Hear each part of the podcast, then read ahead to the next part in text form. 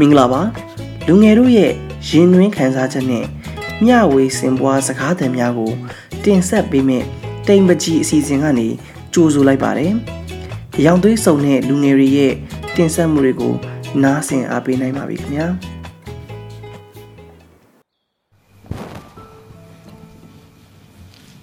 အားလုံးပဲမင်္ဂလာပါခင်ဗျာ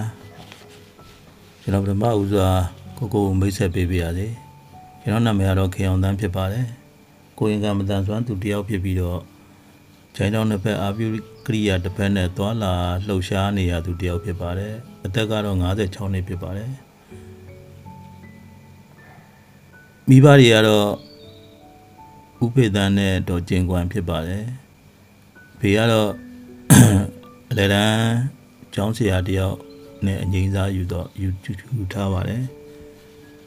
တော့ကျွန်တော်ရဲ့ဘဝတစ်စိတ်တစ်ပိုင်းအနေနဲ့ပြောပြခြင်းပါတယ်။စိတ်ဝင်စားဖွယ်တွေလည်းပါမယ်လို့လည်းယုံကြည်ပါတယ်။အဲကျွန်တော်ဟာမွေးတုန်းကတော့တန်ဆွမ်းသူလေးတယောက်နှစ်နှစ်နဲ့6လသားမှာ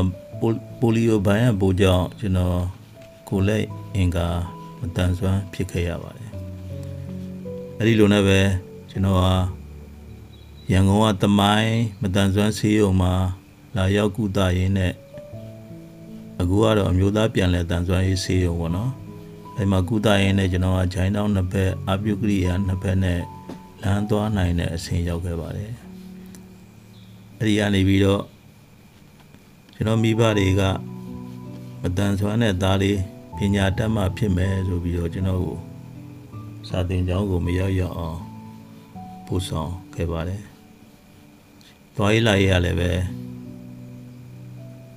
ကျောင်းနဲ့အိမ်ကတော်တော်ဝေးတော့ကျွန်တော်တို့မလျှောက်နိုင်ဘူးအဲ့တော့အဖေကကျွန်တော်ကိုခြီပိုးသွားတယ်တခါလေအဖေမအားရင်ကျောင်းသားကြီးတွေကကျွန်တော်ကိုခြီပိုးသွားတယ်အဲကျွန်တော်လည်းလမ်းလျှောက်နိုင်သလောက်လျှောက်တာပေါ့နော်အဲ့တော့ကျွန်တော်တို့တောရွာဒလေးပေါ့ကျွန်တော်ကဒီအုတ်တိုင်းဒေတာကြီးလဗုဒ္ဓမြို့နယ်ဗန္ဒညောင်ကြီးရွာမှာမွေးဖွားခဲ့ပြီးကြီးပြင်းခဲ့တာဖြစ်ပါတယ်။တောရွာဒေတာဖြစ်တဲ့အနဲ့ကြီး ရွာသူရွာသားတွေကလည်းမိသားစုသပွဲနေထိုင်ကြတဲ့အတွက်တရွာလုံးနဲ့ကျွန်တော်တို့မစိမ်းဘူးဖြစ်တယ်။ဒါကြောင့်တရွာလုံးနဲ့ခင်မင်ရင်းနှီးနေတဲ့အတွက်ကျွန်တော်ကိုကျွန်တော်ဟောတိတ်အားငယ်ချင်းတိမ်ငယ်ချင်းနေမဖြစ်ခဲ့ဘူးပေါ့နော်။အဲ့တော့ကစားတဲ့အခါမှာလည်းကျွန်တော်ပါဝင်ကစားနိုင်တဲ့တရေခွင်းပစ်တာတို့ဒိုးလှိန်တာတို့ဒိုးပစ်တာတို့လောက်စလုံးလှိန်တာတို့ ခါကြလဲကျွန်တော်တို့ဇယ်တောက်တာတို့အဲ့လိုအကုန်ပေါ့လူ inclusion ဖြစ်ဖြစ်နဲ့ကျွန်တော်လူဘဝကိုစတင်ခဲ့ရပါတယ်အကြောင်းမှဆိုလည်းပဲအဲဆရာဆရာမတွေအားလုံးကလည်းရင်းနှီးပြီးသားသူတွေဖြစ်တဲ့ကြောင့်ကျွန်တော်အတွက်အဲအဆင်ပြေတဲ့ကျောင်းပတ်ဝန်းကျင်ဖြစ်ခဲ့ပါတယ်ရှီတန်ကြီးကြောင်းဖြစ်တဲ့အတွက်အပေါ်တက်မှာစာသင်ရတာလည်းပဲ အာအစင်မပြေတဲ့အနေအထားလေးတခုတော့ရှိပါတယ်ဒါပေမဲ့ချီတင်ချီချဆိုတော့အလွယ်တကူပဲဖြစ်ခဲ့ပါတယ်အဲတော့အမကြီးစရာပြောရရင်တော့အာအပေါ်အလေးသွားဖို့အတွက်နည်းနည်းခဲရင်းတဲ့အတွက်တခါတော့အာဘောင်းမီထဲမှာပဲသေးပေါက်ချတဲ့ရည်စရာအဖြစ်ကြုံခဲ့ရပါတယ်အင်မတန်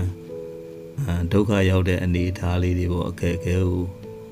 မြင်သာအောင်ပြောပြခြင်းဖြစ်ပါတယ်မူလာတန်းမှာလည်းပဲကျောင်းရဲ့ခွဲခြားဆက်ဆံမှုတွေမရှိဘဲနဲ့ကျွန်တော်တို့ကျောင်းတက်ခဲ့ရတယ်မူလာတန်းပညာပြီးဆုံးတော့တခါလည်းပဲလေတန်းနဲ့အထက်တန်းတွေကိုမြို့ပေါ်ကျောင်းတွေမှာသွားရောက်ပညာစီးပူးခွင့်ရခဲ့ပါတယ်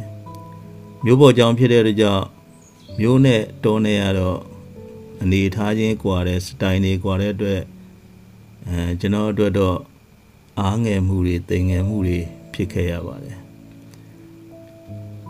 အဲလူကလည်းအရွယ်နည်းနည်းကြီးလာတဲ့အတွက်ရှက်တက်လာတယ်ကြောက်ရွံ့တက်လာတယ်အားငယ်တက်လာတာပေါ့နော်အဲတော့ဘောင်းသေးမိတ်ဆွေတွေကလည်းပဲ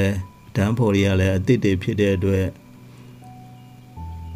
အန်တီဦးနဲ့တူရင်းနှီးမှုတိဆောက်ရတာလဲဟိုနည်းနည်းအခက်အခဲဖြစ်ခဲ့ပါတယ်ဒါပေမဲ့တငယ်ချင်းတွေ ရဲ့ကောင်းကွက်တွေကြောင့်ကျွန်တော်အထထက်တန်းကျောင်းကိုအဆင်ပြေစွာပဲအောင်မြင်ခဲ့ပါတယ်အဲတော့ကျွန်တော်2010နိုင်ငံတော်စစ်တမ်းကိုလူမှုဝန်ထမ်းနဲ့ကယ်ဆယ်ရေးနဲ့နေရာပြန်လဲချထားရေးဝန်ကြီးဌာနကကောက်တဲ့အခါမှာတန်ဆွမ်းကလေးတွေရဲ့53ရာခိုင်နှုန်းဟာအခြေခံပညာ သင်ကြားခွင့်မရကြတာကိုလည်းစစ်တမ်းမှာတွေ့ရှိရပါတယ်အဲ့တော့2ရာခိုင်နှုန်းအောက်ပဲဘွဲရတဲ့လူတွေမတန်ဆွမ်းသူတွေရှိတာကိုလည်းတွေ့ရှိရပါတယ်အဲ့နှစ်ခုထဲမှာတော့ကျွန်တော်မပါဘူးပေါ့စာသင်ကြားခွင့်ရတယ်ဘွဲရတယောက်ဖြစ်တယ် BSc Maths နဲ့ကျွန်တော်ဘွဲရပြီးတော့ MSc Part 1ကိုဆက်တက်ခွင့်ရတယ်အကြောင်းမျိုးမျိုးကြောင့်ကျွန်တော်အော်ပြီးဆုံးအောင်အထိမတက်လိုက်ရဘူးပေါ့နော် အဲ့တော့အခြေခံပညာအဆင့်အနေနဲ့အဲ့ဒီမှာလေးလာခွင့်နေကျွန်ကျွန်တော်တို့အများကြီးရမှာဖြစ်ပါတယ်အဲ့တော့ကျွန်တော်ကိုဆိုရင်ဘေကပညာရေးတိုင်းဝါဖြစ်တဲ့အတွက်ကျောင်းဆရာဆရာမတွေအကုန်လုံးကိုအပ်ထားတယ်အပ်ထားတဲ့အတွက်အပေါ့အလေးသွားခြင်းကျွန်တော်အိမ်ပြန်ခွင့်ပေးထားတယ်ရအောင်လုပ်ပေးထားတယ်ကျွန်တော်အဲ့ဒါဆိုရင်ဒမ်းပန်ကိုပြောပြီးတော့ ကျွန်တော်အိမ်ပြန်ပြီးတော့ပေါ်လေးသွားရတယ်အဲ့ဒီခက်ခဲလေးတော့ကျွန်တော်ပြေကျွန်တော်ပြေလေအောင်ဖြည့်ရှင်းနိုင်ခဲ့ပါတယ်အဲ့တော့ကျွန်တော်ဂျိုင်းတောင်တစ်ဖက်နဲ့ဆိုလွယ်အိတ်တွေလည်းမလွယ်နိုင်ဘူးပေါ့နော်အဲ့တော့ကျွန်တော်တငယ်ချင်းကလာပြီးကျွန်တော်လွယ်အိတ်တွေကိုတည်ပေးတယ်ပြန်ပြီးတော့ကျောင်းစင်လည်းပြန်တည်ပေးတယ်အတန်းပေါ်ရဲ့နှွေးထွေးစာနာမှုတွေဟာလည်းပဲကျွန်တော်ပညာသင်ကြားရေးမှာအထူးအခန်းကဏ္ဍပါခဲ့ပါတယ် အဲ့တော့မိဘနဲ့ပတ်ဝန်းကျင်ကလည်းအားပေးမှုတွေကလည်းပဲကျွန်တော်ပညာရေးကိုဘွဲရတဲ့အထိအထောက်အကူဖြစ်စေပါတယ်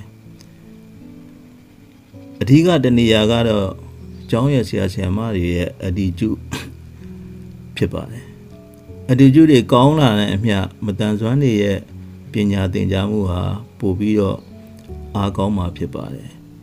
ဆရာဆရာမတွေရဲ့မတန်ဆွမ်းမှုအသိပညာမြင်မာမှုတွေများလာလေလေ မတန်ဆွမ်းတွေပညာရေးမှာအထောက်အကူဖြစ်လာလေလေလို့ပဲကျွန်တော်ယုံကြည်ပါတယ်အဲ့တော့စာသင်ကျောင်းရဲ့တင်းတင်းလျှောက်တင်းတင်းလျှောက်ပတ်တဲ့အခြေအနေကလည်းပဲပိုအရေးကြီးတယ်ကျွန်တော်တို့သွားရေးလာရေးအစင်းအတက်တွေမှာပဲ reasonable accommodation ဖြစ်ဖို့အများကြီးလိုအပ်တာကိုလည်းတွေ့ရတယ်ပေါ့နော်နောက်တော့ကကျောင်းကနေအိမ်ပြန်တဲ့အိမ်ကနေကျောင်းသွားတယ်ကျောင်းသွားကျောင်းပြန်နေရလည်းပဲကျွန်တော်တို့အတွက် ဟိုအလွန်တရာမှအရေးကြီးတဲ့အနေအထားမိဘတိုင်းဝိုင်းကစိုးရင်ပူပန်တဲ့အနေအထားလေးတွေကိုလည်းအာတွေးရှိရမှာဖြစ်ပါတယ်။ဘာပဲဖြစ်ဖြစ်ကျွန်တော်တို့မူလာတန်းအဆင့်လေတန်းအထက်တန်းအဆင့်တွေမှာပညာသင်ကြားတဲ့အခါမှာမူလာတန်းအဆင့်ရတော့အရေးကြီးဆုံးဖြစ်တဲ့ပညာရေးတို့စတင်တောက်တုံးရတဲ့အချိန်တွေဖြစ်တဲ့အတွက်အဲ့ဒီအချိန်တွေမှာမတန်ဆွမ်းနေအထိုင်ကျသွားရင်တော့ပညာတတ်ဖို့တနည်းတစ်ပုံတော့ အဆင်ပြေမှာဖြစ်ပါတယ်။အဲ့တော့ဒီအချိန်တွေလေးကနေပြီးတော့ဟိုဘွဲရတဲ့အထိခက်ခဲမျိုးမျိုးကြားအဓိကအပြင်တန့်စင်ခန်းတွေပေါ့တွိုင်းလက်တွေဟာကျောင်းတွေမှာကျွန်တော်တို့အတွက်အဆင်ပြေတာမရှိခဲ့ပါဘူးတက္ကသိုလ်အထိကျွန်တော်တို့အဆင်တပြေမသုံးခဲ့ရပါဘူးအဲဒီတော့ကျမ်းမာရေးနဲ့မလျော်သော စီအောင်ခြင်းစီကိုကြာကြာထိန်းနိုင်တဲ့အလေးအကျင့်များပြုလုပ်ပြီးတော့ကျောင်းတွေတက်ခဲ့ရတာလည်းအခက်အခဲတစ်ခုဖြစ်ပါတယ်အဲ့တော့ဒီအနေအထားတွေကိုကြည့်ကြအဖြစ်မတန်ဆွမ်းသူတွေကိုယ်တိုင်ကလည်းလူတိုင်းဝိုင်းမှာပါဝင်ကျင်လည်ဖို့ inclusion ဖြစ်ဖို့ကိုကိုယ်တိုင်စ조사ရမယ်ဆိုတာလည်းပဲအရေးကြီးတဲ့အပိုင်းကတည်ရှိပါတယ်။ နောက်မတန်ဆွမ်းသူတွေကိုယ်တိုင်ကမိမိကိုယ်ကိုယ်ကိုလည်းတန်ဖိုးရှိတဲ့လူသားတစ်ယောက်တန်ဖိုးထားတတ်ဖို့လည်းပဲအရေးကြီးပါတယ်။ဘာပဲဖြစ်ဖြစ်ကျွန်တော်တို့ကျွန်တော်တို့ဟာမတန်ဆွမ်းဖြစ်ပေမဲ့လူသားတွေကလူတွေဖြစ်တဲ့အတွက်လူသားတွေနဲ့ပတ်သက်နေတဲ့ society လူအတိုင်းဝိုင်းနဲ့မှာကျွန်တော်တို့ဟာတထောင်တနေရာက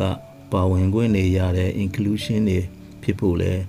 အရေးကြီးပါကြောင်းကျွန်တော်ဒီနေရာကနေ တိုက်တွန်းပြောကြားလိုပါတယ်ခုလိုတင်ပြခွင့်ရတဲ့အတွက်အားလုံးကိုအထူးကျေးဇူးတင်ပါကြောင်းပြောကြားလိုပါတယ်ကျေးဇူးတင်ပါတယ်ခင်ဗျာ